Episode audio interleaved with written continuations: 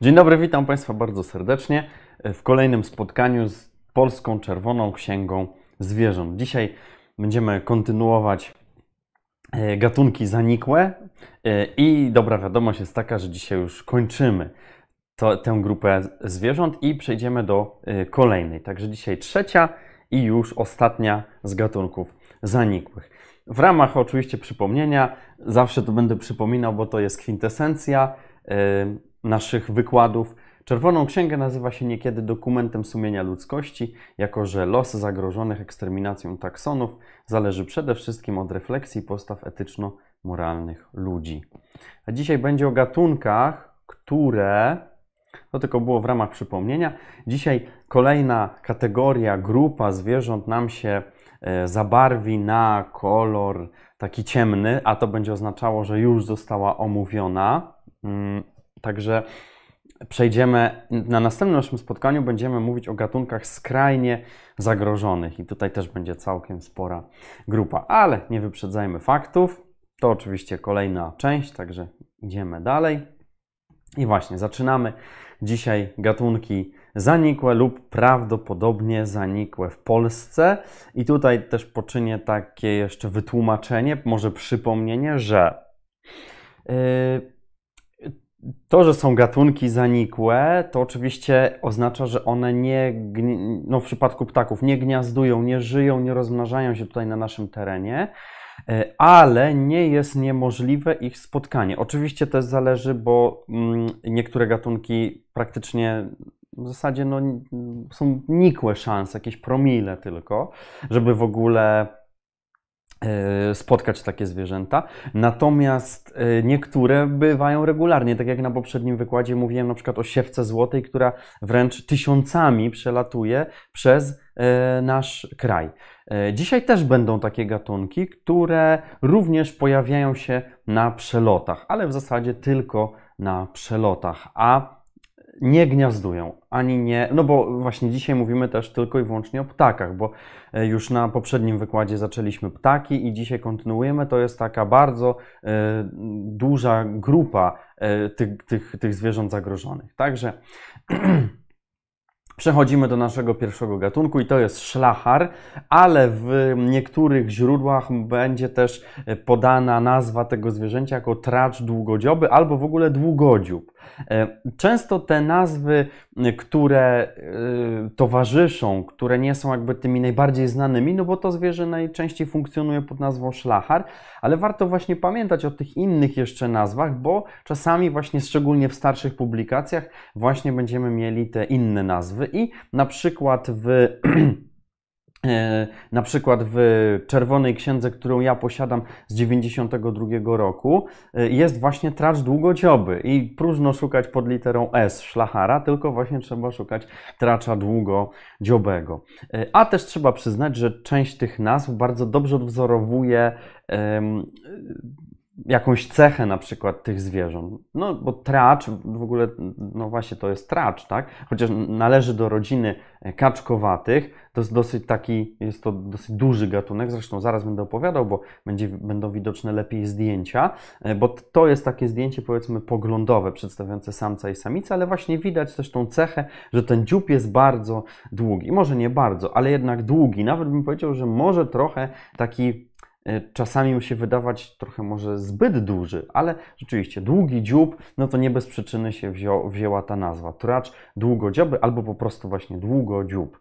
A jak wygląda ten nasz tracz? No, y, Otóż wygląda w taki sposób, że no jest przede wszystkim właśnie, jest duży i jest e, podział na, jest wyraźny dymorfizm płciowy, czyli rozróżnienie na e, samca i samicę w kontekście ich ubarwienia. Bo proszę zwrócić uwagę, że upierzenie tych ptaków jest rzeczywiście e, inne, zdecydowanie inne, poczynając od głowy, która się najbardziej wyróżnia, bo głowa u samicy jest taka brązowa, oczywiście samica jest po prawej stronie, a samiec jest po lewej stronie. Widać rzeczywiście ten długi dziób, szczególnie tutaj u samca, bo jego mamy takie bliższe kadrowanie e, i od e, Tutaj ciekawe jest to, że właśnie u samca e, na szyi mamy taki biały pasek i ten biały pasek dosyć mocno oddziela tułów, brzuch tego ptaka od, od głowy, a u samicy jest to w zasadzie takie dosyć płynne przejście, prawda? Nie ma takiego jasnego, wyraźnego odgraniczenia, a to z kolei też będzie nam pomagało w odróżnieniu szlachara od innego gatunku, z którym można go pomylić. Ja muszę się przyznać, że jak kiedyś dawno, dawno temu zaczynałem swoją przygodę z ptakami, byłem jeszcze takim chłopcem z gimnazjum, to no miałem z tym problem zawsze. Nie za bardzo umiałem to rozpoznawać, te ptaki. No i tutaj właśnie pokazuję te, te różnice. E, tu na górze mamy szlachary, na dole mamy nurogęsi. I one rzeczywiście są do siebie podobne, szczególnie proszę zwrócić uwagę, na przykład samiec, to głowa samców jest naprawdę podobna. Tak, kolorystycznie, e, e, ten dziób też taki podobny jest. No ale już poniżej głowy jest zdecydowana różnica, prawda? Jaśniejsza jest jednak, jaśniejszy jest samiec nurogęsi. Natomiast popatrzmy jeszcze na samice nurogęsi i szlacharów, bo Y, tam właśnie jest kluczowa, w odróżnieniu tych dwóch różnych gatunków, y, jest y, kluczow, kluczową rolę pełni właśnie to odgraniczenie na szyi, bo u samicy, nurogęsi, jest bardzo wyraźne, takie, ta, ta granica jest bardzo wyraźna, jest białe, nagle zaczyna się brązowe, a tak jak mówiłem wcześniej, u samicy szlachara jest to bardzo płynne przejście. No i oczywiście mm, też y, tutaj warto wspomnieć jeszcze o tym, że nurogęsi są dosyć popularne w naszym kraju. Y, nie jest y, trudno je zaobserwować. I no właśnie, jeżeli będziemy widzieli jakieś ptaki, które będą przypominały nurogęsi, no to mogą to być oczywiście szlachary, ale to będą najczęściej, jak będziemy na zimą, na przykład na wybrzeżu, polskim, no to wtedy możemy się natknąć na szlachary, bo rzeczywiście one tam potrafią zimować. No ale przeważającej większości jednak jak zobaczymy właśnie coś, co będzie wyglądało jak nurogęś, to najprawdopodobniej będzie nurogęsią. Ale warto przez lornetkę sprawdzać i się upewniać, bo może akurat to będzie na przykład szlachar, szczególnie tu przy tych samicach, co powiedziałem. Jak to wyglądało historycznie? No tutaj zaznaczyłem, że Zatoka Pomorska i Zatoka Gdańska to są dwa miejsca główne właśnie zimowania tych szlacharów. Natomiast proszę zwrócić uwagę, że yy, mamy doniesienia o siedmiu stanowiskach lęgowych w latach 1900 yy, i 1950, czyli niewiele tak naprawdę. Yy, natomiast w tych samych latach jeszcze mamy e, w okolicach, na Mazurach też 20 stanowisk lęgowych, tak? Czyli mamy nad morzem i na Mazurach i to są w zasadzie dwa jedyne miejsca, a potem są jeszcze doniesienia z lat 90. E, na, Suwalszczyźnie ostatni rok, e, ostatni lęk to był w 93 i na Mazurach w 91. I ostatnie doniesienie w ogóle o zagnieżdżeniu się szlacharów w Polsce. To są jeziora Raduńskie i Wdzyckie. Y, I to jest 2003 rok, czyli niespełna 20 lat temu były ostatnie lęgi wyprowadzone właśnie szlacharów w Polsce. A od tamtego czasu uznaje się szlachara za gatunek zanikły, i, ale tak jak powiedziałem, nie jest niemożliwe jego zaobserwowanie w Polsce. Można, ale no właśnie jest to dosyć trudne. A gdzie te szlachary w ogóle występują na świecie? Tak jak tutaj widać, y, one y, przede wszystkim, no widać, na pewno mo można wnioskować, że wolą jednak y, strefę zimniejszą. W Europie to jest przede wszystkim Skandynawia, one tam właśnie głównie się lęgną. I, ale proszę zwrócić uwagę, ogromny obszar Rosji, również Azja i Kanada przede wszystkim. Mm, to jest ten rejon, który, y, y, no też na przykład tutaj widzimy, że południowa Grenlandia również, także to jest to, jest to miejsce, gdzie one się pojawiają. No oczywiście ten, ten taki ciemniejszy niebieski poka pokazuje nam tam, gdzie one zimują. I przechodzimy do kolejnego gatunku. Dzisiaj w ogóle będziemy mieli sporo tych slajdów i sporo tych, tych, tych gatunków, więc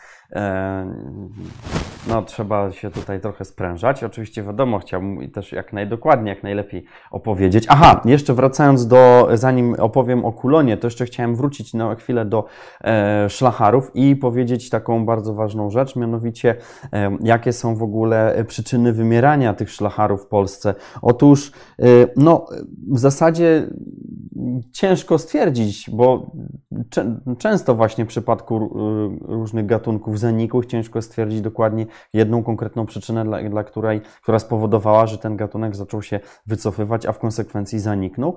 Natomiast yy, Natomiast y, mówi się o na przykład eutrofizacji wód, o płoszeniu. Niestety, płoszenie przez ludzi to jest bardzo duży problem.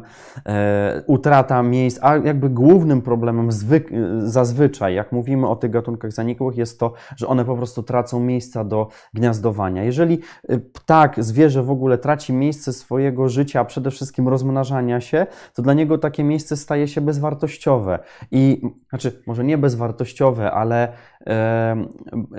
bardzo, y, ta wartość tego miejsca bardzo mocno spada. Y, I w związku z tym zwierzę nie traktuje już tego miejsca jako bardzo atrakcyjne, bo nie może się tam rozmnażać, nie ma tam warunków do tego, żeby wyprowadzić młode. A zatem rezygnuje z takiego miejsca, wynosi się, szuka po prostu lepszego. Y, I dlatego właśnie, że no, jest taka możliwość, że w Polsce akurat te ptaki były płoszone, szczególnie właśnie nad wodą, turystyka wodna, tak? E, Mazury, tak jak pokazywaliśmy, e, Mazury, mm, Wybrzeże, no to są bardzo takie turystyczne rejony, więc nie ma się co dziwić, że te szlachary, ale to jest, mówię, prawdopodobna przyczyna, tak? Dla której one e, z naszego kraju się już na dobre wyniosły i nie gniazdują. I mamy kulona. Przechodzimy teraz do kulona. Bardzo ciekawy ptak, mm, związany głównie z takimi terenami stepowymi, półstepo, półstepowymi, też trochę i kamienistymi, tam gdzie są jakieś niewielkie zarośla, ale, ale raczej to będą tereny otwarte. Bardzo ciekawie wyglądający ptak, ma takie długie nogi, wręcz nawet bym powiedział, że trochę może takie przydługie, nawet takie trochę y, nieproporcjonalnie, nieproporcjonalnie proporcjonalne do całego ciała, y, a Proszę zwrócić uwagę, tutaj na kolejnym slajdzie widać, że też zwierzę, które bardzo dobrze się maskuje. Widać też te jego długie nogi, co prawda nie w całości, ale też bardzo dobrze się maskuje tutaj na tle tych różnych właśnie takich, e, takich form, e, nie wiem, to jakieś skalne są, też piaski, ale to też zdjęcie dobrze obrazuje właśnie w jakim on środowisku żyje. Tak? To jest takie właśnie miejsce, e, gdzie niska jest roślinność, albo miejscami to prawie w ogóle, tak? Piasek, no to on takie właśnie miejsca preferuje. I tutaj też od razu się nasuwa na myśl chyba jedno z takich skojarzeń, dlaczego on właśnie zanikł w naszym kraju. No dlatego, że takich miejsc generalnie, no nasz kraj raczej ze stepów czy półpustynnych jakichś obszarów nie słynie. W związku z tym też i tych miejsc gniazdowania e, dla kulona było po prostu mało. E, I Yy, chociaż rzeczywiście no, od, od już jakiegoś czasu był widoczny regres, takie wycofywanie się z naszego kraju tego kulona, ale, yy, ale to jeszcze może za chwilkę o tym powiem, a tutaj chciałbym jeszcze się skupić na tym wyglądzie tego ptaka, bo proszę zwrócić uwagę, że poza tymi barwami maskującymi to też rzuca się w oczy ten piękny kolor żółty, taki intensywny żółty. I on jest widoczny na nogach, na oku, to oko jest takie wyraźnie żółte, bardzo duże w ogóle też to oko. Proszę zwrócić uwagę, że ono się znajduje w takich dwóch, takich dwóch łukach białych, utworzonych oczywiście z piór i w środku właśnie jest to duże, e, duże żółte oko, e, bardzo duże e, i spory też dziób czarno, na czarno zakończony i nasada żółta tego dzioba. Także ten żółty kolor bardzo się wyróżnia w kolorystyce kulona. No i właśnie, jak ten kulon y, w naszym kraju mm, zanikał? Y, no więc y, w polskiej Czerwonej Księdze, którą ja mam z 92 roku, cała polska populacja kulona wynosiła około 10 par. Czyli w Polsce żyło wtedy, w 92 roku żyło około 20 kulonów, czyli jest to w ogóle zastraszająco mało. E, ale niestety, od razu tutaj wyprzedzę trochę fakty i powiem, że już na następnym wykładzie naszym będziemy właśnie omawiać gatunki, które teraz są właśnie w tej fazie, w której kulon był w latach 90. Czyli na przykład będziemy mówić właśnie o tych gatunkach, które, mm, które teraz w całym kraju mamy kilka, kilkanaście, kilkadziesiąt par i one są właśnie skrajnie zagrożone. I kto wie, czy jakiś, nie wiem, może mój następca, który kiedyś będzie też za, nie wiem, 20-30 lat prowadził taki wykład, nie będzie mówił o tych gatunkach, że są właśnie gatunkami zanikłymi. Ale to na razie e, zostawiamy, bo o tym będzie mm, w na, na naszym kolejnym spotkaniu. E, I y, proszę bardzo, XIX wiek E, okazuje się, że jeszcze w XIX wieku e, kulony były w zasadzie e, na całym niżu w Polsce, poza Mazurami i Augustowym. E, czyli generalnie e, w sumie to ciekawe, dlaczego akurat ich tam nie było, bo to jednak takie tereny raczej bym powiedział dzikie, i, ale też z drugiej strony właśnie od, od wielu lat chętnie odwiedzane przez turystów, a jedną z przyczyn właśnie, dla których Kulon się wycofał, prawdopodobnie też z Polski, jest to, że brakowało tych miejsc do gniazdowania i były one po prostu przepłaszane przez ludzi, więc możliwe, że to jest jakieś takie tutaj powiązanie.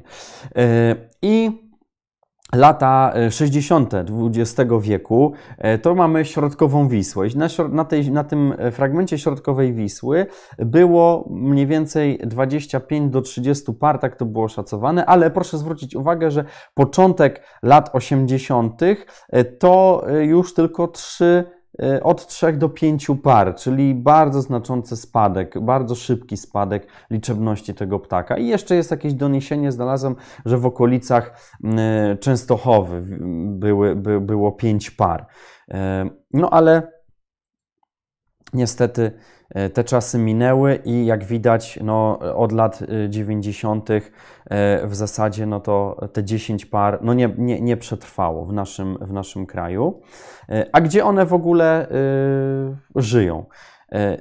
No y, właśnie, tam gdzie są te stepy, tam gdzie są te tereny takie równinne, niżowe, y, otwarte, y, piaszczyste, tam właśnie one żyją, bo tutaj zresztą widzimy, prawda, głównie Azja, tak, to jest ten rejon występowania, chociaż tutaj widzimy, że i w Europie, i północna Afryka również. One też tutaj się pojawiają żyją. E, ja tylko jeszcze tutaj poczynię taką małą dygresję odnośnie tych mapek, które są, e, bo ja to oczywiście biorę z Wikipedii i e, proszę zwrócić uwagę, że tutaj bardzo często właśnie te gatunki zanikłe są zaznaczone, że one w Polsce występują. Podejrzewam, że te mapy nie są zbyt aktualne, nie są za bardzo aktualizowane. Możliwe, że też jakieś tam drobne błędy są, bo umówmy się, one nie są jakoś wybitnie dokładne.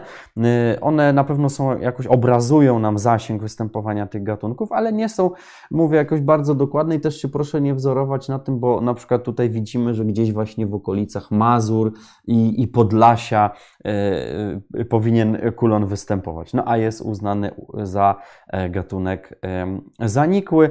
A to brałem akurat informacje tutaj z najświeższego źródła, jakie, jakie możemy wziąć pod uwagę, z czerwonej listy ptaków Polski. Także Także to jest takie e, źródło, już o tym wspominałem, które jest jakby nad na czerwoną księgą, bo czerwona księga po prostu obejmuje bardzo dużą liczbę kręgowców e, i e,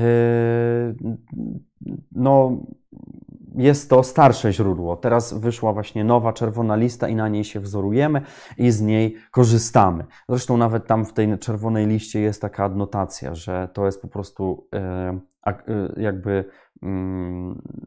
naj, naj, oparte na najświeższych badaniach, obserwacjach. W związku z tym, jakby to jest nadrzędne źródło wiedzy, e, na, z którego trzeba czerpać wiedzę, niż właśnie z tej czerwonej księgi e, zwierząt. Ale to już o tym wspominałem, także to teraz tylko w ramach takiego przypomnienia. Warto przypominać, bo też pewnie są tacy słuchacze, którzy gdzieś tam do nas dołączają, więc też dla tych, żeby to wszystko było zrozumiałe. Bardzo ciekawa nazwa jest tego ptaka, bo nazywa się kulon. I y, tutaj ten obrazek nam trochę y, wyjaśnia, dlaczego to zwierzę tak się nazywa. No kulon, no bo się kuli. A kiedy się kuli? No kiedy większość zwierząt się kuli wtedy, kiedy jest, kiedy im coś zagraża. E, chyba najlepszym tego przykładem jest jeż po prostu, prawda? Jeż, który się zwija w mm, w kulkę, ale rzeczywiście y, w momentach zagrożenia on się musi właśnie tak skulić, prawda, w tą, w tą kulkę. A tutaj właśnie mamy przykład ptaka, który też się kuli i stąd właśnie wzięła się nazwa kulon zwyczajny. On oczywiście się kuli i wtedy szuka, rozgląda się za jakimś bezpiecznym miejscem, żeby tam jak najszybciej uciec. Także też ciekawa dosyć taktyka, e, no bo proszę zwrócić uwagę, że on też przez to, że jest właśnie dobrze zamaskowany, to tutaj nie rzuca się wcale tak mocno w oczy i jest to też jakaś, jakaś strategia przetrwania. E, warto też zaznaczyć, że ten ptak w ogóle prowadzi głównie e, nocny tryb życia, czyli w ciągu dnia jest go też ciężej na pewno zobaczyć niż w ciągu nocy. I kolejny gatunek.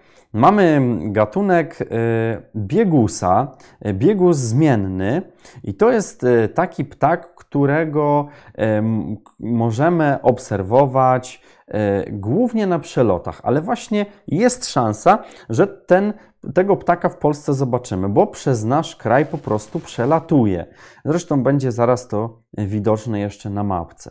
Y, jak wygląda ten ptak? Zresztą, aha, jeszcze tylko to dopowiem, widać, że jak zresztą biegusy mocno są związane z terenami wodnymi i tutaj po tym zdjęciu myślę, że to nie podlega w ogóle dyskusji, widać to wyraźnie.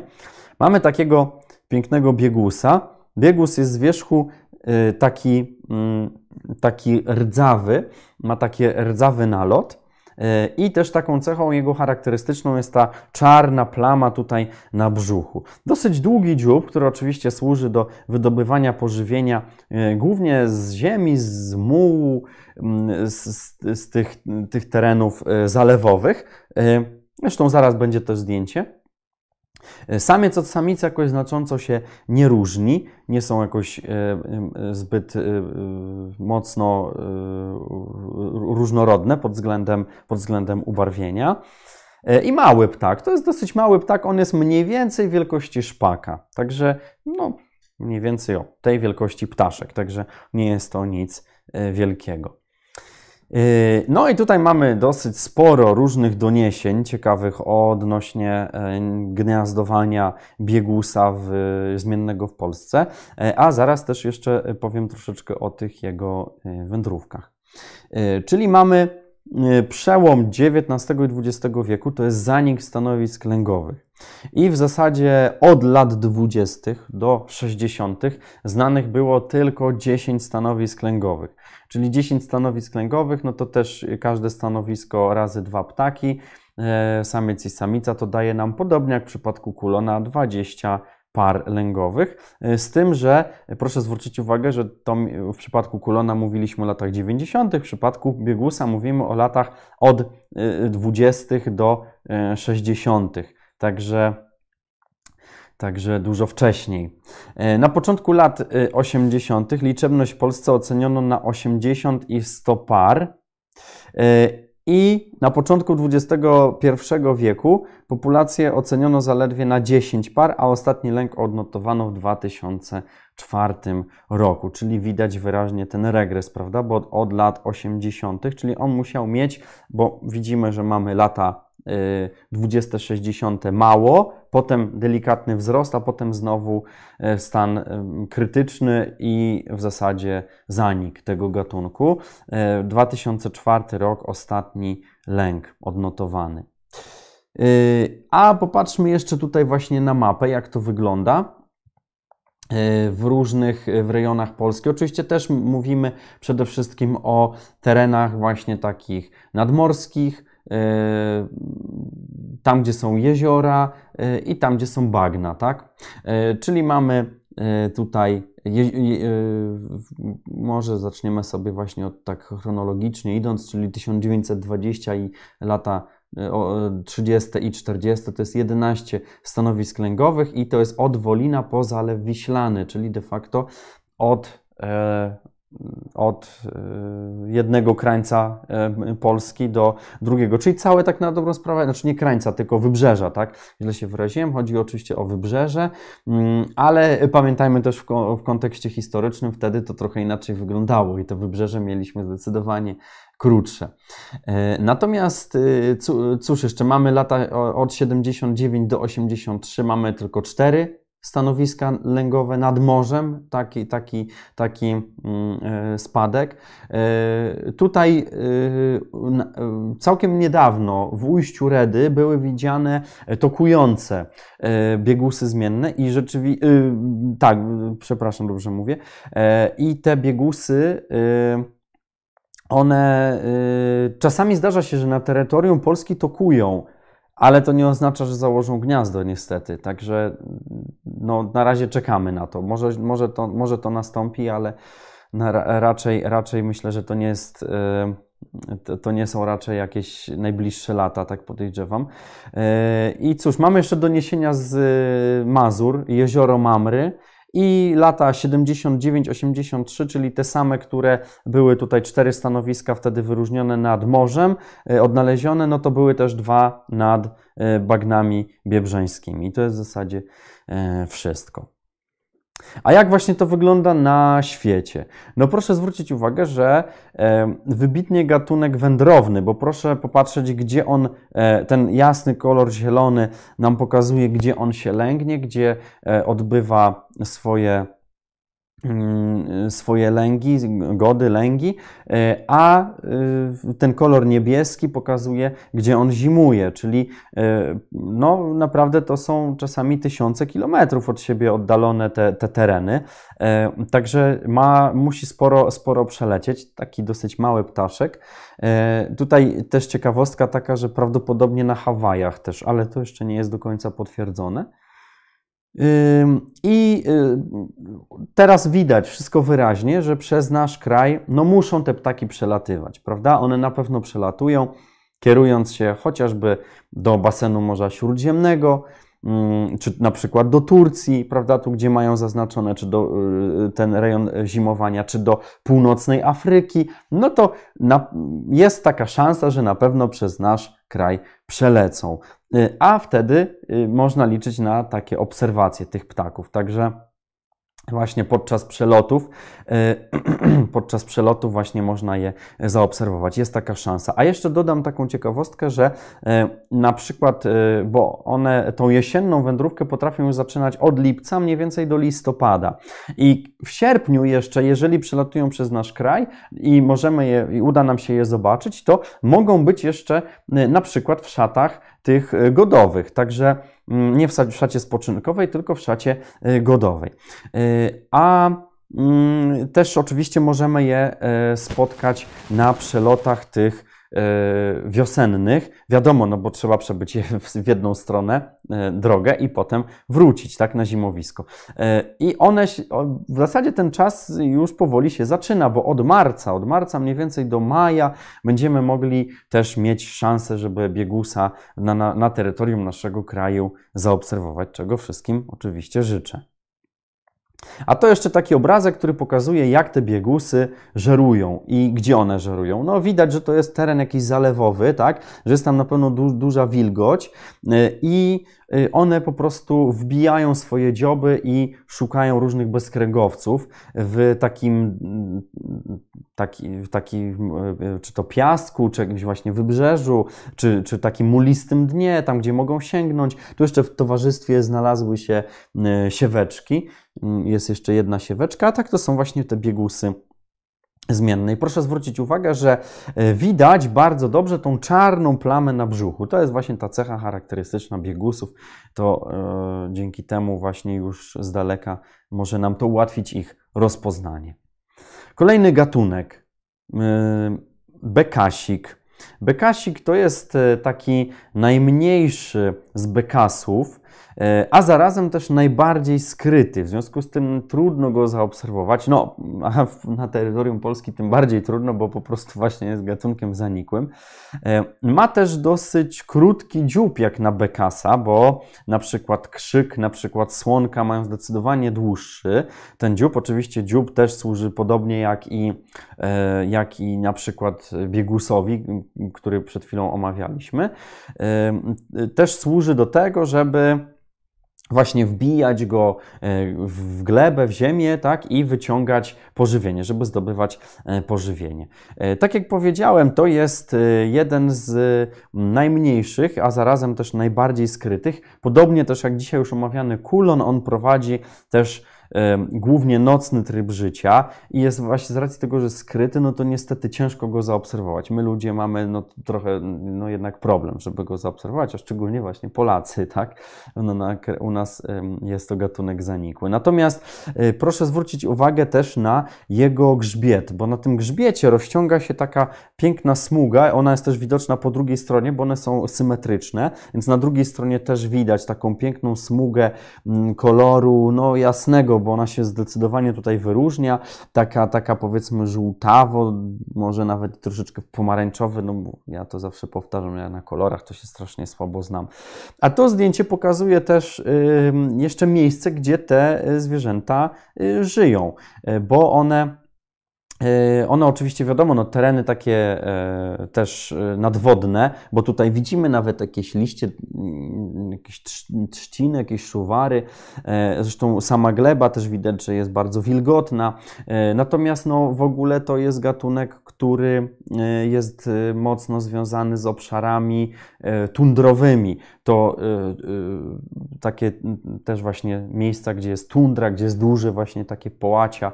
E, wolnej przestrzeni, no to one sobie też to upodobały. E, no u nas e, siedlisk tundrowych raczej jak kot napłakał, w związku z tym też nie ma odpowiednich, odpowiednich warunków. No jeżeli chodzi o przyczyny zamierania w naszym kraju, no to e, niestety tutaj trzeba przyznać, one są niejasne. Niestety bardzo często też i nawet taki zapis znajdziemy w Czerwonej Księdze Zwierząt, że e, przyczyny niejasne są, nie zostały do końca poznane i cały czas tak naprawdę nie wiemy, dlaczego akurat dane zwierzę przestało występować na, w, w naszym kraju. Natomiast jeżeli chodzi o bekasika, to jest taka, takie przypuszczenie, że mm, z racji tego, że jest podobny jednak do bekasów, E, innych gatunków typu e, na przykład e, do, do słonki, no jest najmniejszy, tak jak mówiłem, prawda, do krzyka na przykład to, no był prawdopodobnie mylony z tymi ptakami i był zabijany niestety. E, ale to jest tylko taka prawdopodobna przyczyna. Oczywiście też utrata siedlisk lęgowych e, i też, e, no mówię, w naszym kraju generalnie raczej takich bardzo odpowiednich dla niego siedlisk też nie, nie było, no bo nie jesteśmy krajem tundrowym. Mm, no właśnie, a jakie są doniesienia o, y, o Bekasiku? Y, no w zasadzie to y, tutaj głównie mamy, proszę zwrócić uwagę, że z 1800 tam któregoś roku, prawda? 1800 na przykład, 42 to mamy najwcześniejsze doniesienia i to mamy Łęczną na Lubelszczyźnie i mamy jeszcze Słupsk 1842 rok. Ale mamy jeszcze 1855 Stargard Szczeciński, no i oczywiście Biebrza, no bo jak żeby inaczej, Biebrza to oferuje e, to takie królestwo e, dla ptaków w Polsce.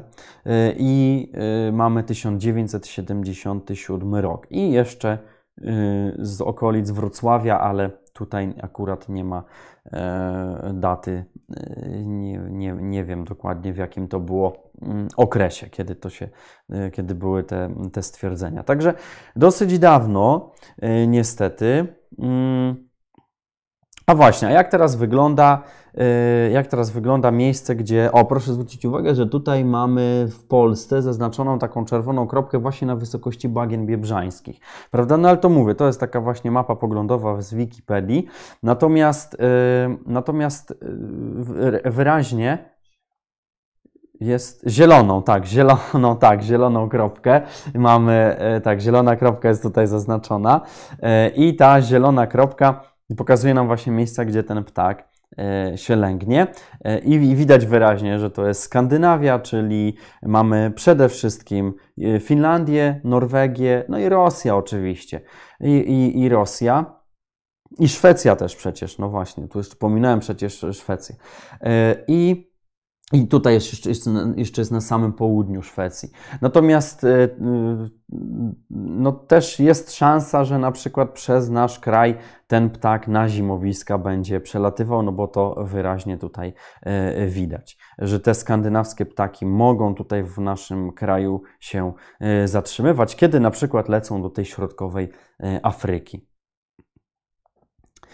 I mamy kolejny gatunek. Kolejny gatunek jest bardzo y, również ciekawy, ponieważ y, może być, y, jest to w ogóle najmniejsza mewa, jest to najmniejsza mewa i może być mylona z paroma innymi gatunkami, które jest jednym bardzo popularnym, popularnie występującym w naszym kraju.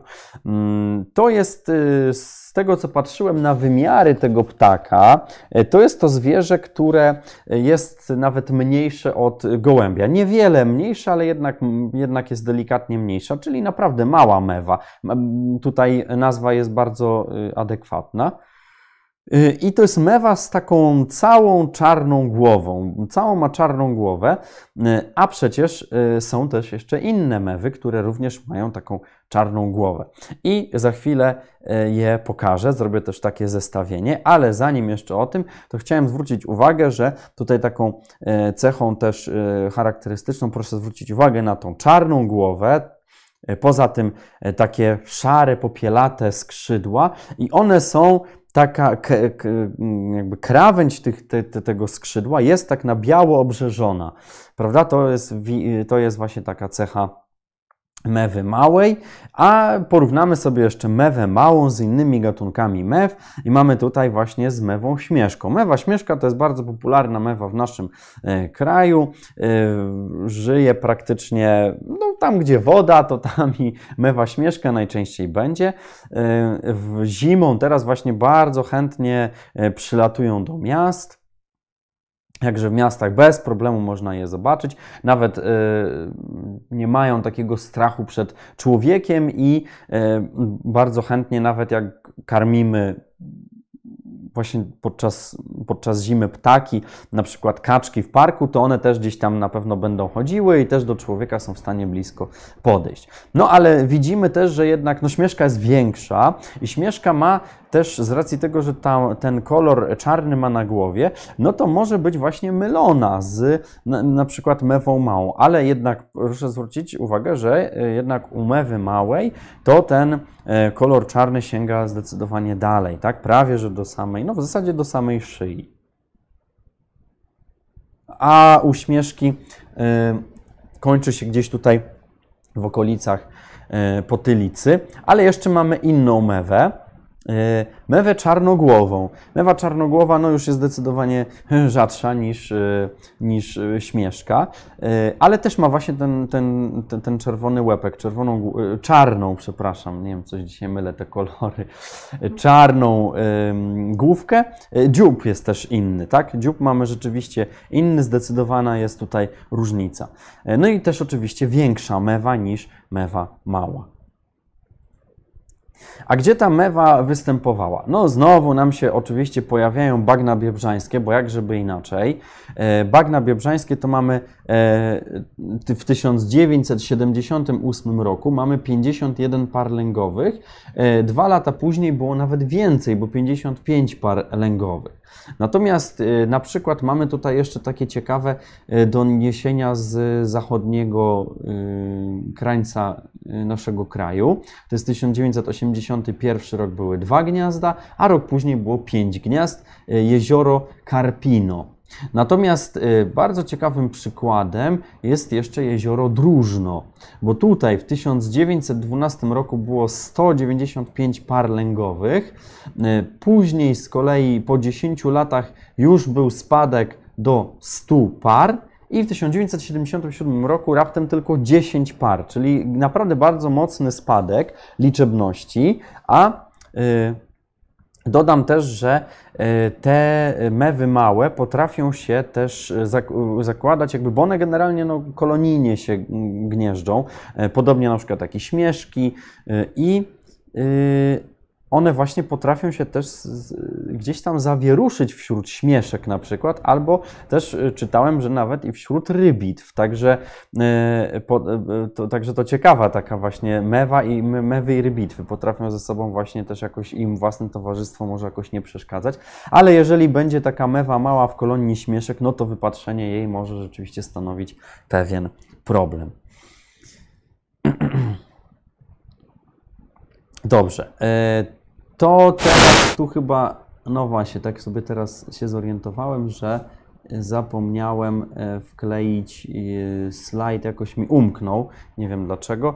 Umknął mi z występowaniem e, na świecie, niestety, za co mm, przepraszam, nie mam niestety tego slajdu, ale to nic. No przejdziemy w takim razie sobie do kolejnego gatunku.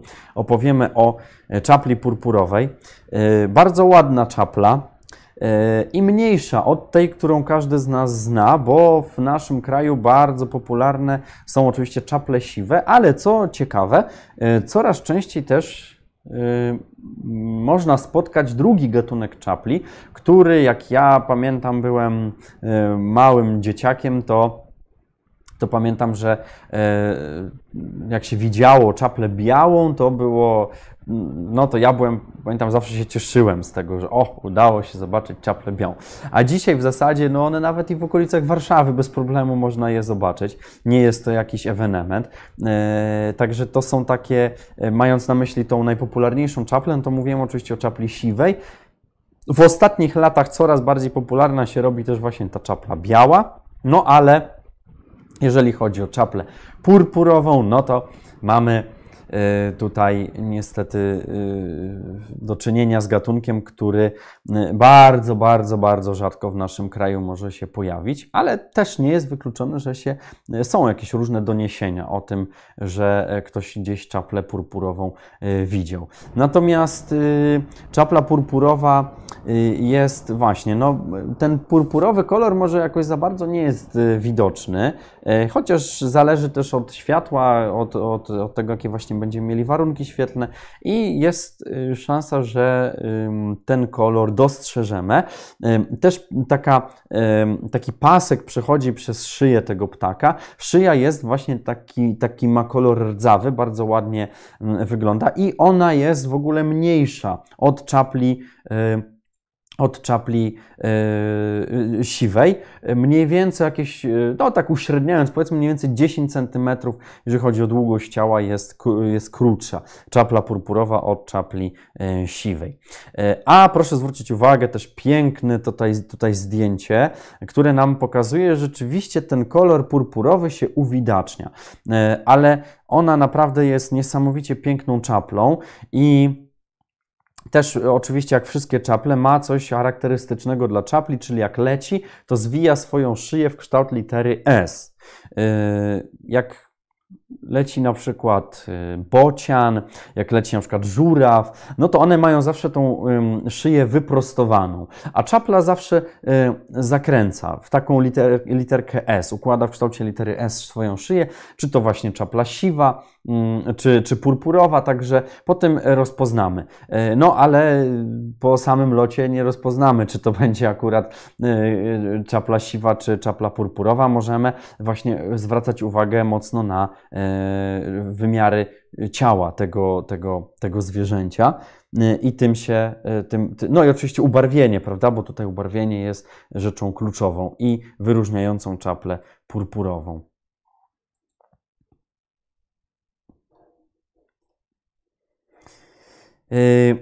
Jak, gdzie występowała ta czapla purpurowa? No więc w pierwszej połowie XIX wieku stwierdzono gnieżdżenie się jej na Śląsku. Generalnie, no właśnie, czapla, y, czapla purpurowa jest gatunkiem, który jest związany raczej z tymi, z tymi y, obszarami y, południowymi, bo proszę zwrócić uwagę, że mamy dzisiaj też taki ciekawy układ, ponieważ mamy gatunki takie południowe, ale mamy też i gatunki takie północne i one których właśnie zasięg się kończy gdzieś jeszcze przed Polską, czy to właśnie patrząc od strony północnej, czy od strony południowej, w zależności od tego, gdzie one mają areały swoje występowania. Także dzisiaj mamy takie, mm, takie, takie ciekawe E, takie, takie, taką ciekawą właśnie, takie ciekawe zestawienie. No dobrze, a yy, przejdźmy jeszcze tutaj właśnie do tej mapki yy, i zwróćmy uwagę, że ja tutaj yy, przede wszystkim to był Dolny Śląsk. Głównie Dolny Śląsk właśnie stanowił takie miejsce, gdzie te czaple się chętnie gnieździły. Tu było aż tak gęsto, że no musiałem tutaj mocno wciskać te, te wszystkie zapiski. Natomiast y, mamy tak, doniesienia z Dolina Baryczy, lata 20 i 30. Ale to były tylko obserwacje. To nie były żadne doniesienia o gniazdujących czaplach. Natomiast jeżeli chodzi o gniazdowanie, mamy Radziąc 1956 rok i mamy jeszcze lata 60. gniazda kilkunastu par y, w Rudzie Milickiej. Generalnie y, Dolina Baryczy, właśnie Radziąc, Ruda Milicka to są generalnie bardzo blisko siebie położone e, terytoria. W związku z tym, no, tutaj na mapie to wygląda jakby to było bardzo rozległe, ale na naprawdę jest to, no mówię, to, to, to ze względu na tą czcionkę, no musiałem tutaj po prostu tak to wszystko ścisnąć, ale generalnie jest to taki dosyć niewielki obszar. I mamy jeszcze Łowicz, taki, taki, tak, taki, takie, taką ciekawą tutaj e, obserwację, znaczy stwierdzenie właściwie gniazdowania i to mamy staw e, okręt 1977 rok.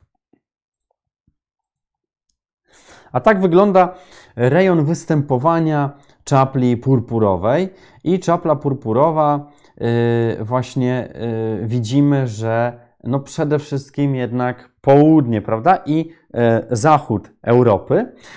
Natomiast no, w naszym kraju nie jest wykluczone, że się może pojawić, tak? Natomiast jest to, tak jak na sam początku powiedziałem, jest to rzadkie zjawisko. No i bardzo sobie upodobała też właśnie południo, środkową i południową Afrykę oraz południowo-wschodnią Azję.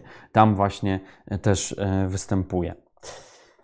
No i e, też oczywiście omawiając czaple, warto zwrócić uwagę na taką cechę charakterystyczną czapli, czyli to, że oczywiście długa szyja, całe ciało takie dosyć krępe e, i ta szyja tak wyraźnie wystaje, ale rzecz, na którą bardzo warto zwrócić uwagę, to ta niesamowicie silna, mocna broń, jaką posiada czapla purpurowa w postaci dzioba. Ten dziób jest naprawdę mocny i nie życzyłbym nikomu, żeby się z nim spotkał, miał bliskie spotkanie, e, ponieważ e, czapla w spotkaniu z człowiekiem, kiedy na przykład chcemy, mamy dobre intencje i chcemy jej po prostu pomóc, może nam naprawdę wyrządzić wielką krzywdę.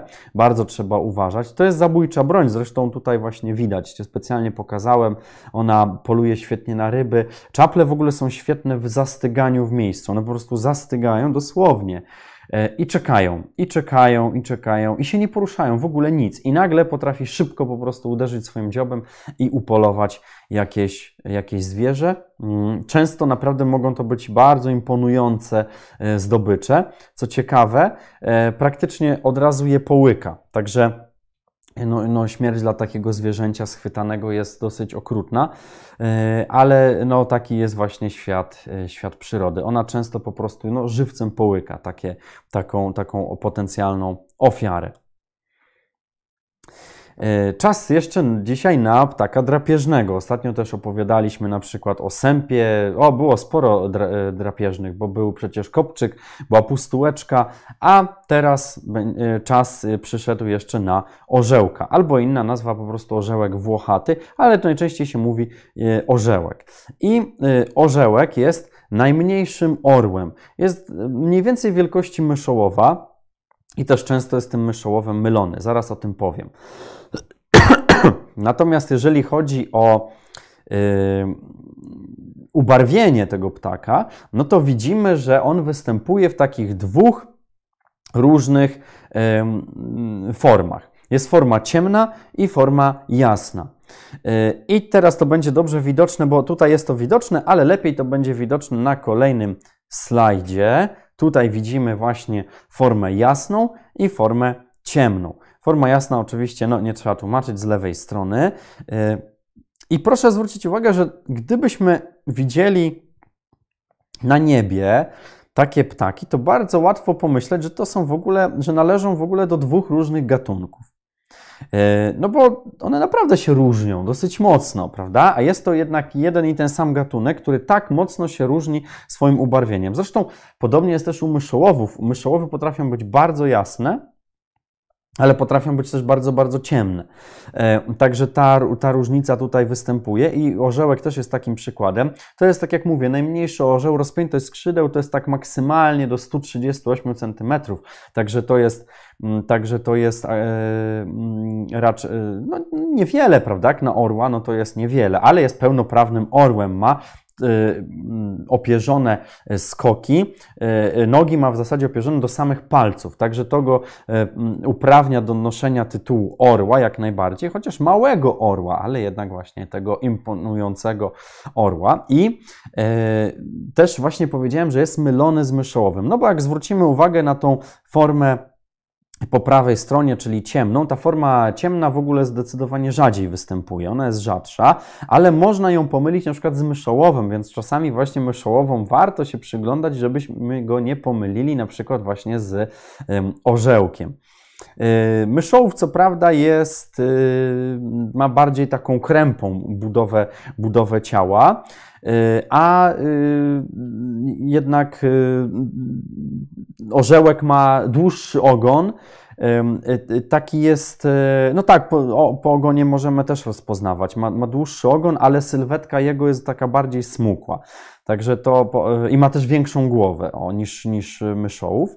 Natomiast e, jest jeszcze jeden gatunek, z którym można je pomylić. Mówię je, bo i orzełka, i, i właśnie e, myszołowa, no, czasami jak akurat tak, tak się ułoży, to jeszcze chodzi mi o y, kanię czarną. Właśnie orzełek jest mylony z myszołowem albo właśnie z kanią czarną, także na to trzeba też y, zwracać uwagę, y, bo ten ptak faktycznie jak sobie, ja tutaj właśnie teraz mogłem tak, pomyślałem, że mogłem teraz zrobić takie porównanie. No nic, już za, teraz dopiero padłem na ten pomysł, żeby porównać właśnie orzełka z myszołowem i z kanią.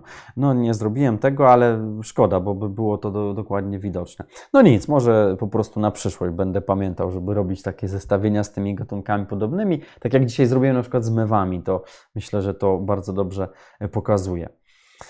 E, no dobrze, a jak. Aha, jeszcze powiem tylko taką ciekawą rzecz, że e, orzełek, mimo tego, że jest właśnie orłem, małym orłem, ale jednak orłem, to poluje, ma bardzo podobną taktykę i dietę E, ale i strategię polowania do krogulca, czyli de facto małego ptaka. E, I on najczęściej po prostu wypatruje swoje ofiary. Siedzi, y, albo czasami właśnie leci, tak? Y, albo siedzi gdzieś na jakimś miejscu i wypatruje, czeka, obserwuje, co się wydarzy i kiedy stwierdzi, że jest dogodny moment, wtedy atakuje. Ale potrafi też na przykład na małe jakieś zwierzęta, małe jakieś kręgowce, potrafi na przykład atakować je z powietrza, czyli bezpośrednio leci i nagle na nie spada. Mm, czyli trochę coś w stylu na przykład polowania jak pustułka, ale pustułka to już mówiłem, i pustułeczka, tak, e, też mają, mają właśnie taką umiejętność, że potrafią zawisać w powietrzu. Myszołów też to potrafi, natomiast no, e, orzeł, nasz orzełek szybuje. I popatrzmy jeszcze na mapę, jak tutaj się kształtują doniesienia o tym ptaku. No, najstarsza wiadomość o lęgu pochodzi z Włodawy, 1875 rok. Natomiast Mamy jeszcze w XIX wieku doniesienia o trzech okazach, które były na Śląsku. E, mamy również e, Lubelszczyznę jeszcze i e, Mazury. I tutaj mamy właśnie, to, to, są, to są notowania z XX wieku, ale jednak brak lęgów, tak? Nie, lęgi nie zostały odnotowane. Generalnie jest bardzo e, w, wieku XX miał naprawdę dosyć silny regres liczebny, liczebnościowy, nastąpił tego, tego ptaka na ziemiach e, polskich i był e, naprawdę no, już rzadko spotykany. W pewnym momencie jego liczebność też wynosiła około 10 par, niestety. Także już dzisiaj uznawany za gatunek u nas zanikły, ale nie oznacza to, że nie można go zaobserwować, bo z 2000, w 2018 roku było aż sześć doniesień z różnych rejonów y, Polski o właśnie przelatującym y, orzełku. Nie gnieżdżącym się, ale przelatującym. Także, tak jak mówiłem na samym początku, y, to, że gatunek zanikł, nie oznacza, nie wymarł. Tak? To, to nie jest tur czy tarpan, których już nigdzie nie zobaczymy, ale to są gatunki, które E, u nas po prostu e, na naszym terytorium nie, nie gnieżdżą się, nie, nie rozmnażają się, tak? ale można je jeszcze zaobserwować.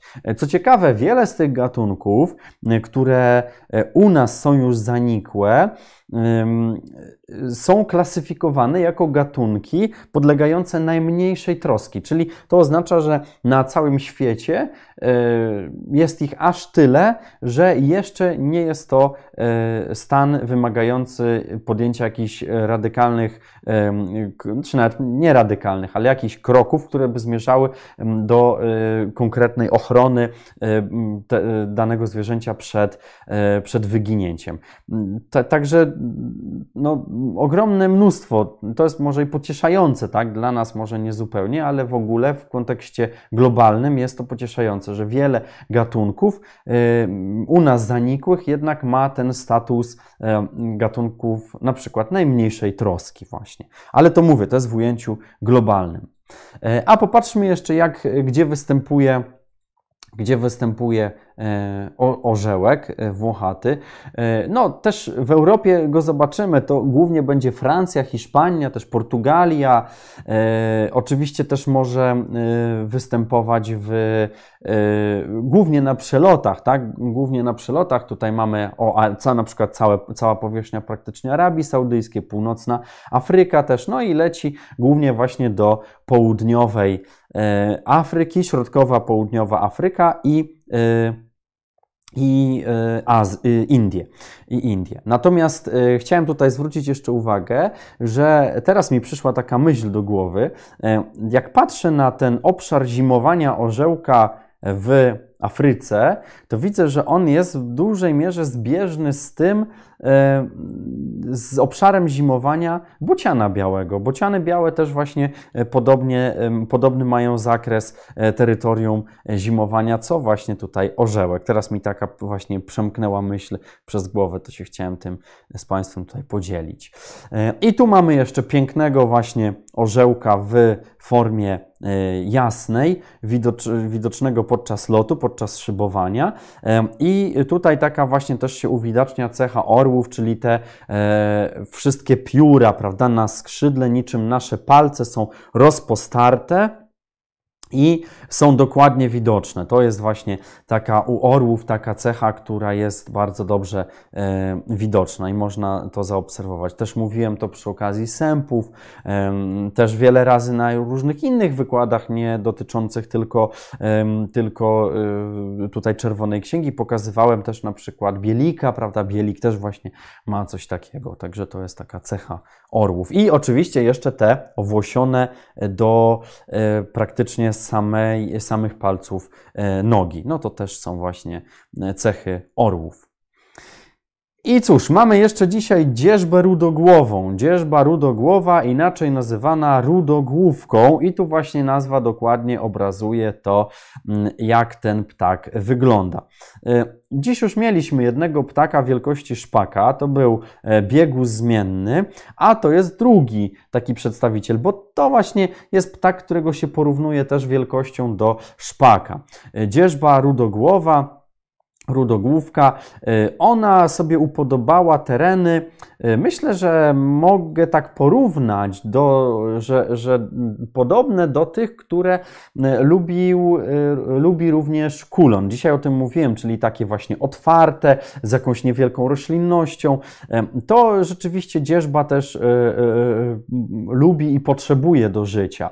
Mm, no bo dzierżby mają taki specyficzny sposób na polowanie e, i tutaj już troszeczkę jedna fotografia tutaj mm, z tych widocznych to zdradza, ale ja jeszcze będę o, o tym opowiadał za chwilę, podając jeszcze e, przykłady różnych innych dzierżb, ale to za chwilkę. I oczywiście właśnie mamy tą rudą głowę, tak? To jest akurat taka dzierżba, którą ciężko pomylić z tymi naszy, naszymi krajowymi. E, ona jest e, przez tą właśnie rudą główkę bardzo e, charakterystyczna i bardzo dobrze no, nie chcę powiedzieć, że prosta do rozpoznania, ale mm, taka, która ma cechy charakterystyczne, pozwalające ją e, odróżnić, ta rudogłówka. W XIX wieku występował jako lęgowy w całym kraju, występowała, z wyjątkiem Mazur, Wybrzeża e, Karpat i e, Sudetów. To może zabrzmiało, że Wybrzeże Karpat. Nie, nie, chodzi o Wybrzeże nadmorskie, tak? Karpaty i Sudety, czyli de facto niewiele rejonów tak naprawdę pomijała E, co ciekawe, w ogóle ona sobie upodobała głównie centrum naszego kraju. Centrum, czyli województwo mazowieckie, województwo wielkopolskie i województwo podlaskie, mówiąc tak oczywiście przy obecnym podziale administracyjnym Polski.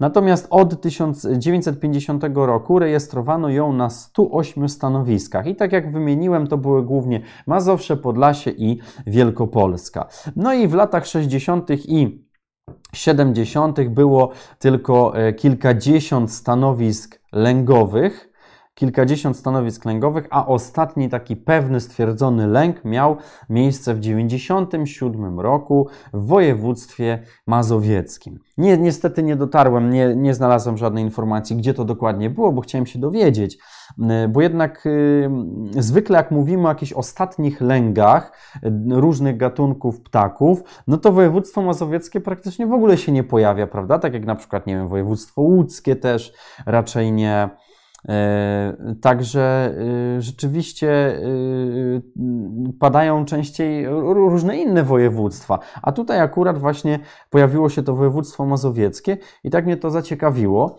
ale niestety nie znalazłem miejsca dokładnej lokalizacji tego, tego lęgu.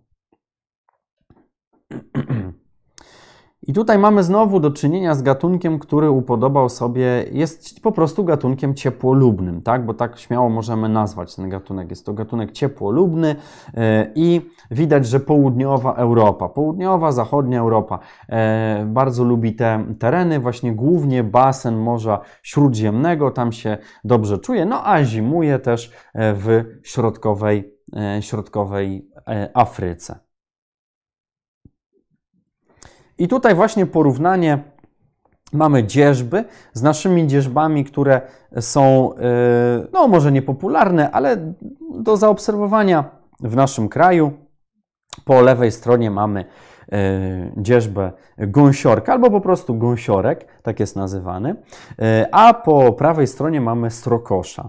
E, ja Strokosza w ogóle widziałem dwa dni temu e, i właśnie dzierżby e, lubią, bo też właśnie zauważyłem go na, siedzącego na czubku drzewa, takiej niezbyt wysokiej brzozy i to było blisko lasu na takiej otwartej przestrzeni.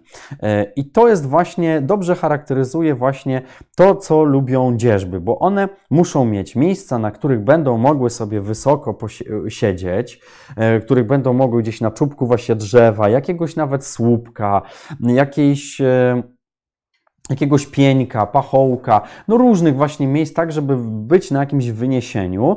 Często nie musi to być jakaś bardzo wysoka, e, jakaś, jakiś, jakiś wysoki element w, w, w, krajobrazie, bo może to być nawet coś dosyć niskiego. One po prostu muszą siedzieć na wyniesieniu. Nawet jakieś takie dosyć niskie drzewo. Ja zdarzało, mi się zdarzało na przykład widzieć srokosza, który sobie właśnie siedział w takiej czatowni, nazwijmy to tak, e, w, na wysokości powiedzmy dwóch metrów na przykład. Także to mu wystarczało też. E, I mm, one sobie właśnie wy, wykorzystują takie czatownie, siadają tam i po prostu czekają, obserwują, coś się wydarzy, gdzie tu się jakaś przytrafi ofiara. E, bardzo lubią na przykład polować na jakieś drobne kręgowce, jaszczurki na przykład, na gryzonie też i e, za chwilę pokażę dosyć może takie mało przyjemne, może nawet trochę makabryczne zdjęcie, ale to zdjęcie dobrze obrazuje naturę e, dzierżb. A jeszcze tylko powiem o takiej ciekawostce. Mm, jak kiedyś e, miałem okazję obrączkować ptaki, no to, znaczy może nie sam obrączkować, ale bardziej pomagać przy obrączkowaniu, tak bym się precyzyjniej wyraził, to poszedłem wyciągać właśnie ptaki z sieci, które się złapały po to, żeby je zanieść do obrączkarza. No i trafił się gąsiorek. Pierwszy raz kiedy wyciągałem gąsiorka, e, popatrzyłem sobie, no taki niezbyt duży ptaszek, więc zabrałem się bardzo ochoczo za wyciąganie gąsiorka, no bo to pierwszy gąsiorek, jakiego mi przyszło wyciągać, więc rzuciłem się od razu na to wyciąganie i no niestety pożałowałem, bo okazuje się, co było dla mnie ogromnym zaskoczeniem, że gąsiorek potrafi bardzo mocno zaciskać swój dziób do tego stopnia, że jak mnie chwycił w palec i mnie mocno złapał i nie chciał puścić, to nie wiedziałem, co zrobić, żeby się oswobodzić z tego jego mocnego uścisku. I pamiętam, że palec mnie później bolał. Oczywiście są gatunki ptaków, które potrafią jeszcze mocniej e, chwycić ale jakoś tak później e, miałem dużą niechęć do roz, roz, wyciągania z sieci większych ptaków, albo o których wiedziałem, że dobrze polują e, na przykład na inne zwierzęta, które mają właśnie znamiona takiego drapieżnika, no bo wiedziałem, że mogą mocno uchwycić i to, to trochę mnie przerażało. Wtedy byłem jeszcze mały chłopak, także, e, także się trochę zniechęciłem po tym spotkaniu z gąsiorkiem. Ale to właśnie pokazuje nam, że dzierżby są e, ptakami, które e, no właśnie są stworzone do polowania, do zabijania innych zwierząt. I one jak tak sobie siedzą i wypatrują, takie ofiary, rzucają się na nie i co później robią? To pokaże nam kolejne zdjęcie. Proszę bardzo. To jest srokosz akurat. Nie znalazłem zdjęcia dzierżby rudogłowej, e, ale znalazłem e, tutaj właśnie zdjęcie srokosza, który nabił ofiarę na kolce. Y, on, y, one właśnie bardzo lubią coś takiego robić, znaczy lubią, one, taka jest ich biologia, one tak po prostu tworzą sobie takie, można powiedzieć, magazyny z jedzeniem, bo właśnie czasami można zobaczyć taki właśnie makabryczny obraz, jak jakieś zwierzęta są ponabijane na kolce.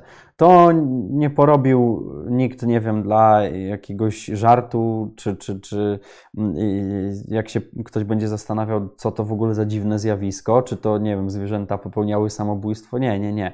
To nic z tych rzeczy. Tylko właśnie to jest działanie dzierzb. E, a mówię tu ogólnie o dzierżbach, nawet już nie tylko o naszej bohaterce rudogłowej, e, ale w ogóle o różnych dzierżbach, no bo to jest po prostu taki zwyczaj dzierżb, tak jak polowanie i obserwowanie okolicy z takiej czatowni, tak właśnie później nabijanie tych ofiar na e, różnego rodzaju krzewy. I ostatni już dzisiaj gatunek to będzie nagórnik. I tutaj nazwa nam też sporo mówi, no bo musi to być ptak związany z górami. Rzeczywiście tak jest, z górami, skałami, jakimiś terenami takimi, e, takimi pagórkowatymi, górzystymi. To jest właśnie ten ptak, który e, kiedyś u nas występował na takich obszarach. I Kiedyś był właśnie e, w Pieninach, w Tatrach, na terenie obecnego Babiogórskiego Parku Narodowego. Te miejsca sobie upodobał. Generalnie południe Polski, ale za chwilę to pokażę, a jeszcze parę słów powiemy sobie o tym, mm, jak te ptaki wy wyglądają, bo na górniki, u nagórnika występuje dosyć duża różnorodność między płciami, tak zwany właśnie dymorfizm płciowy. Samiec jest, no myślę, że każdy rozpozna dokładnie, który to jest samiec, która to jest samica. Oczywiście ten, który jest piękniej ubarwiony, ten, który jest ładniej, tak, to jest zwykle samiec. Tak jest u ptaków śpiewających, to jest ptak należący do rodziny muchołówkowatych y, i Nieduży ptak. Trochę może przypomina białożytkę. Wyglądem, znaczy zachowaniem też przypomina trochę pleszkę, bo lubi swoim ogonkiem tak poruszać. E, pleszka właśnie bardzo często to robi, czy na przykład kopciuszek, to są takie gatunki, które też blisko człowieka żyją, więc można obserwować e, i, i zwracać uwagę na to, jak one właśnie tym e, pracują tym ogonem. No to nagórnik ma też taki podobny styl bycia. Natomiast właśnie, no po lewej stronie mamy oczywiście samca, po prawej mamy samicę. Samica niezbyt pięknie wygląda, takie barwy bym powiedział bardziej maskujące, no a samiec przez tą piękną taką, myślę, że śmiało można powiedzieć, modrą głowę i taki pomarańczowawy brzuszek pięknie wygląda. E, a gdzie właśnie one występowały? Jakie są doniesienia e, z, z naszego kraju? Mamy lata 1851-1854 to mamy cztery stanowiska lęgowe na wyżynie krakowsko-częstochowskiej, czyli tak jak mówię, no to jest może nie bezpośrednio góry, ale jednak już ten pofałdowany obszar naszego kraju. I mamy jeszcze okolice Częstochowy z 1903 roku, tam mamy z kolei sześć par, e, stanowisko 6 par, sześciu par. No i tak jak wspomniałem wcześniej, e, mamy jeszcze góry, tak? Czyli właśnie Pieniny, Tatry e, i e, jeszcze właśnie pominąłem Bieszczady, a to jest, Bieszczady akurat to są bardzo ważne w kontekście nagórnika, no bo tam miał ostatni lęk w 1969 roku. To był ostatni stwierdzony lęk. Na, dokładnie jest podana lokalizacja na Połoninie Caryńskiej. No, Bieszczady słyną, słyną z Połonin i właśnie na Caryńskiej była, był ostatni lęk na górnika. E, no i było też doniesienie jeszcze w 1937 roku, że przypuszczalnie były lęgowe pary e, i czy od czasu do czasu gdzieś tam się słyszy, że być może gdzieś tam jest lęgowy, ale raczej mm, e, no, na chwilę obecną jest uznawany, że jednak jest gatunkiem zanikłym. Może w tym wszystkim takim, nie wiem czy to jest się chyba źle, źle to zabrzmi, jeżeli powiem, że to jest pocieszenie dla nas, dla Polaków, ale yy, i na pewno nie jest to żadne pocieszenie dla te, samego tego ptaka, tego gatunku, ale okazuje się, że zanikł nie tylko na terenie naszego kraju, ale również i na Słowacji, na Węgrzech, w Mołdawii. Również ten ptak e, został uznany za e, gatunek zanikły. A gdzie on w ogóle występuje? No jest to gatunek, który związał się z te, e, też basenem e, Morza e, Śródziemnego. Dzisiaj już, dzisiaj sporo było gatunków związanych właśnie z południem Europy i tutaj, jeżeli chodzi o nagórnika, to musimy powiedzieć bardzo ważną rzecz, że E, zresztą tu na tej mapie widać, prawda, ale też są podane lokalizacje i w Polsce, i tutaj w, e, na Słowacji, e, a tak jak powiedziałem, no już tam tego ptaka też nie ma, tam też został uznany za wymarły, znaczy zanikły, tak, bardziej powinniśmy powiedzieć, bądźmy precyzyjni. I ale w kontekście nagórnika należy powiedzieć to, że to jest gatunek, który yy, tutaj w Polsce, jeśli by występował, to by miał swoją północną granicę zasięgu. Yy, te Bieszczady, prawda, niegdyś były. No bo jeżeli tutaj był właśnie na terenie Bieszczad, no to no to właśnie była ta jego pewnie północna granica. No, jeszcze wcześniej mówiłem też o Wyżynie krakowsko-częstochowskiej, tak, ale to wszystko już są dane takie historyczne. Natomiast, y, no, y, zimuje y, też właśnie sobie wybrał tą środkową, środkową Afrykę. I przede wszystkim właśnie proszę zwrócić uwagę, że też te tereny takie górzyste, takie tam gdzie skały są, no bo tutaj te zdjęcia dobrze go obrazują. Piękny samiec, e, który właśnie jest na skałach i który w swoim takim naturalnym siedlisku. E, jakie są przyczyny, dla których on e, zanikł? Najprawdopodobniej jest, jest to po prostu utrata siedlisk lęgowych. Być może też e, rolę odegrał na przykład e, to, że e, rolę odegrało to, że już coraz mniej się wypasa zwierzęta. Taki wypas, ten naturalny, to się mówi dzisiaj już często wypas kulturowy, jest bardzo ważny, ponieważ od setek lat to był w zasadzie naturalny rytm, no w zasadzie przyrody, że ludzie przychodzili i wypasali zwierzęta. I jak w momencie, kiedy to zanika, dane miejsca na przykład zaczynają zarastać, albo trzeba je kosić, ale chyba każdy wie, że dużo bardziej naturalnym sposobem, jak wejdą jakieś e, zwierzęta, które mm, korzystają z tej z, tej, z, z, tych roślin i je po prostu zjadają. To są takie naturalne kosiarki, tak? I to w wielu miejscach świetnie funkcjonuje. Zresztą taki właśnie ten wypas e, kulturowy przecież jest prowadzony i do dzisiaj w Tatrach i też na przykład bardzo dużą rolę odgrywa i świetnie to wygląda na przykład w Parku Narodowym Ujście Warty, gdzie się wypuszcza do Parku Narodowego na obszar e, parku wypuszcza się krowy i one po prostu jak kosiarki wszystko zjadają. Jakby już nie chcę na ten temat e, tutaj więcej opowiadać, bo to też mógłbym wiele różnych ciekawych przykładów tutaj podać. Natomiast y, no, właśnie utrata tych siedlisk lęgowych może być jedną z przyczyn, która, się, e, która spowodowała zanik tego gatunku w Polsce. Dobrze, to by było na tyle, jeżeli chodzi o tą treść merytoryczną dzisiejszego wykładu. Yy, bardzo serdecznie, jak zwykle, dziękuję. Oczywiście teraz jeszcze poczytam sobie, co tutaj yy, się pojawiło na naszym czacie, a trochę jest tego, także yy, proszę mi dać chwilę, żebym to je przeczytał.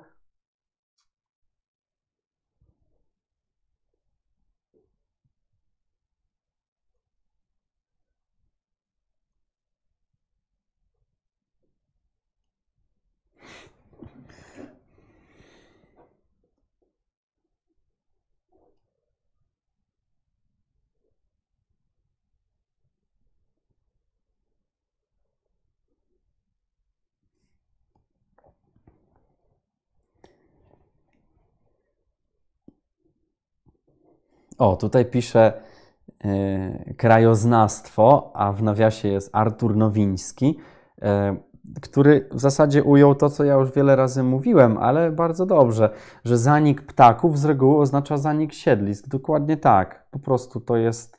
E, dlatego czasami mam wrażenie, że e, jestem bardzo monotonny, kiedy mówię, że i tutaj przyczyną zaniku jest zanik siedlisk albo utrata miejsc lęgowych. Ale niestety tak często jest po prostu. Rzeczywiście, to co powiedziałem, tak? Jeżeli ptaki nie mają gdzie złożyć jaj, nie mają gdzie wyprowadzić swojego potomstwa, albo są bardzo niekorzystne warunki, to tego nie zrobią. I niestety, ale e, znaczy może mogą podejmować próby, tak, ale im się po prostu to nie uda. W związku z tym, no niestety. E, no, dziękuję za ten komentarz, bo to tak właśnie, taka kwintesencja.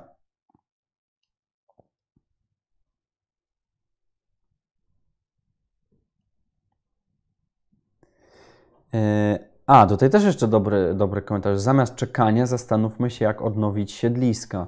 Tak, to prawda. Chociaż y, moim zdaniem, jak na tyle co obserwuję, przynajmniej tutaj tą warszawską przyrodę, bo nie jestem żadnym specjalistą od, od, od jakichś tam innych y, miejsc, zresztą tutaj też tych warszawskich to się cały czas uczę, ale i obserwuję, ale e, moim zdaniem, e, na przykład na terenie tutaj właśnie okolic Warszawy, największym problemem to jest po prostu penetracja przez ludzi. I to sam zauważam, jakby na wielu e, obszarach i przy wielu różnych gatunkach. Zauważam, że one mogłyby być, bo są dobre warunki, ale przez to, że jest tak nasilona penetracja ludzka, że nie ma szans. A jeszcze wiem, że tu może niektórzy mnie nie, nie spodoba im się to, co powiem, ale no niestety też puszczanie psów luzem w różnych miejscach też się nie przyczynia do tego, że te ptaki e, mogą odbyć lęki albo w ogóle mogą żyć, funkcjonować, zdobywać pożywienie na przykład, bo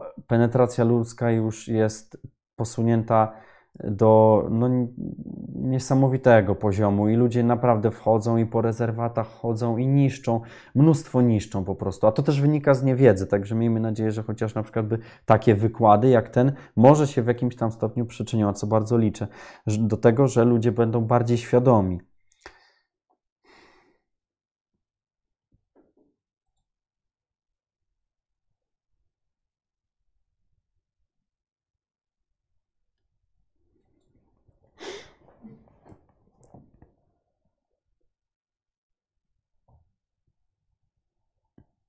O, Tomasz Sokołowski tutaj uzupełnił. Bardzo też dziękuję za ten komentarz, że biegus zmienny jest najlicz, najliczniej spotykanym biegusem w naszym kraju, oczywiście tylko na przylotach. Tak, ja też właśnie mogłem, mogłem to powiedzieć, rzeczywiście do tego biegusa zmiennego można tutaj u nas, e, u nas zaobserwować w naszym kraju. E, e, także zachęcam właśnie do, do, do, do, do, w trakcie przelotów, żeby zwracać na nie uwagę, na te czarne plamy, co mówiłem na brzuchu. Y, tak, tu, tutaj też jest od Majki Majki, stałego słuchacza, widza. Jest też dobre pytanie. Y, czy są podejmowane jakieś wysiłki do powrotu tych zwierząt na nasze tereny? Y, to znaczy tak, no tu by trzeba było jakby każdy konkretny gatunek rozpoznawać, znaczy rozważać może tak. I muszę przyznać, że Yy, trzeba byłoby właśnie, czy dla tego konkretnego gatunku są podejmowane jakieś próby. To znaczy, ja nie potrafię też na to pytanie dokładnie odpowiedzieć, bo mówię, to by trzeba było zapytać na przykład, czy dla czapli purpurowej, czy tam dla kulona się coś tam tworzy, tak? Natomiast yy, w Czerwonej yy, Księdze mm, Zwierząt są takie zapisy, co warto byłoby zrobić, aby jak wesprzeć ochronę tego, tego zwierzęcia.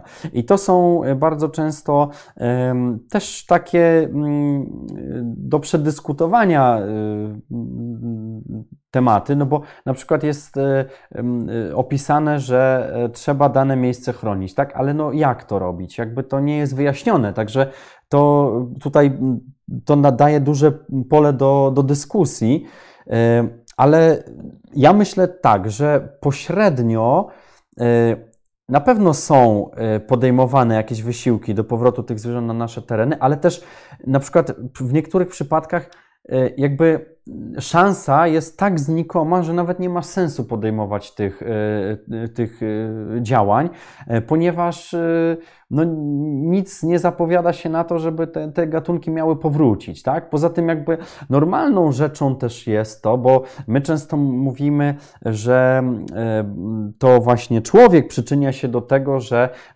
zwierzęta właśnie z danych miejsc znikają, że ich nie ma. I tak faktycznie jest, ale też są pewne inne procesy, Pytanie, czy one następują na skutek działań człowieka, czy nie, ale to już jest inna sprawa. I czy te inne procesy też w jakikolwiek sposób wpływają na to, że te. Że te gatunki znikają. No bo wiele jest też niejasności tutaj i nie możemy powiedzieć dokładnie wprost, że to, temu gatunkowi zaszkodził człowiek przez takie i takie działania, prawda? Poza tym ja tutaj na przykład powiem tak, że taką ciekawostkę też jeszcze opowiem, że przecież e, generalnie jakby zapytka, zapytać e, statystycznego Polaka, zrobić tak sądy na ulicy, e, na przykład, czy zalesianie jest dobre, czy uważasz, że warto zalesiać nasz kraj? Sądzę, że zdecydowana większość naprawdę powie, że tak, bo lasy to Myślę, że taka standardowa odpowiedź to będzie tak, bo drzewa produkują tlen, więc oczywiście warto. Tak, bo drzewa przecież um, każdy lubi las, że miło się tam spędza czas i tak dalej, że warto byłoby mieć dużo więcej lasów. I oczywiście wiele osób będzie za, jak najbardziej. Ale teraz popatrzmy na to w kontekście na przykład takich gatunków, które preferują tereny, które są stepami, które są właśnie półotwartymi. Dla nich zalesianie nie jest dobrym zabiegiem. I nawet w Czerwonej Księdze jest coś takiego zapisane, e, że e, zalesianie mogło być jedną z przyczyn, dla których na przykład w naszego kraju zanikł kulon. Prawda? Bo mówiłem, że to jest ptak, który preferuje stepy, stepy obszary półpustynne, tak? Więc no, jaki las? No, las tutaj nie za bardzo pasuje, prawda? Więc pamiętajmy o tym, że właśnie zmieniając środowisko, to są jakby działania człowieka, to my podejmujemy te działania i przez to, że zalesiamy dany fragment, no ja jako przedstawiciel lasów miejskich nie powinienem takich rzeczy w ogóle mówić, ale taka jest prawda. Przez to, że zalesiamy, to możemy też niejako działać trochę na niekorzyść dla pewnych gatunków, prawda? Także wszystko ma dwie strony medalu. Y, Tomasz Sokołowski pisze, że czaple purpurowe co jakiś czas pojawia się e, w Rzeszowie. Myślę, że tak, że to, to południe kraju to jak najbardziej. I, I, też mi się coś obiło o uszy właśnie w kontekście czapli purpurowej i Rzeszowa.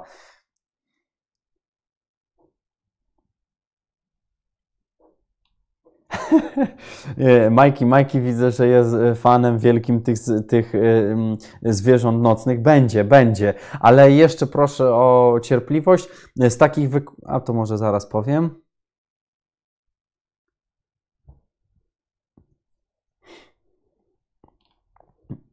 Dobrze, i to chyba już tyle mamy. Eee, Dobrze. Tak, czyli to już mamy wszystkie odpowiedzi. Bardzo serdecznie dziękuję. I co chciałem jeszcze powiedzieć, odpowiadając trochę na pytanie właśnie tutaj Majki, Majki, Majki kiedy będą te, te, e, ten wykład o zwierzętach nocnych. Na pewno będzie, ja o tym pamiętam, także spokojnie. Nie potrafię jeszcze podać dokładnie daty. E, na razie się skupmy na tym, co mamy do zrobienia, koniecznie teraz i jakby nie wchodźmy w kolejne inne tematy, nie rozwijajmy, bo tego się zaraz zrobi tyle, że ja nie będę wiedział, w co ręce włożyć, jak to się mówi. Natomiast powiem tak, zapraszam na przyszły tydzień. Yy, w przyszłym tygodniu będziemy mieli yy, spotkanie, o którym, które, który będzie kontynuacją jeszcze jesiennego naszego spotkania, bo o jesie, jesienią mówiłem o tym, jak zwierzęta przygotowują się do zimy. A teraz, kiedy mamy zimę, chociaż za oknami raczej średnia zima, ale jednak w kalendarzu jeszcze cały czas zima, to powiemy sobie o tym, jak zwierzęta jak im się udaje w ogóle tą zimę przetrwać i co one robią zimą. I już teraz zapraszam na ten wykład i zapraszam oczywiście już na kolejny wykład z cyklu o Czerwonej Księdze, z tym, że będzie to wykład e, poświęcony już kolejnej kategorii e, zwierząt. Bardzo serdecznie dziękuję za dzisiaj i zapraszam do oglądania kolejnych naszych spotkań, do uczestniczenia też na żywo. Dziękuję serdecznie, do widzenia i do zobaczenia.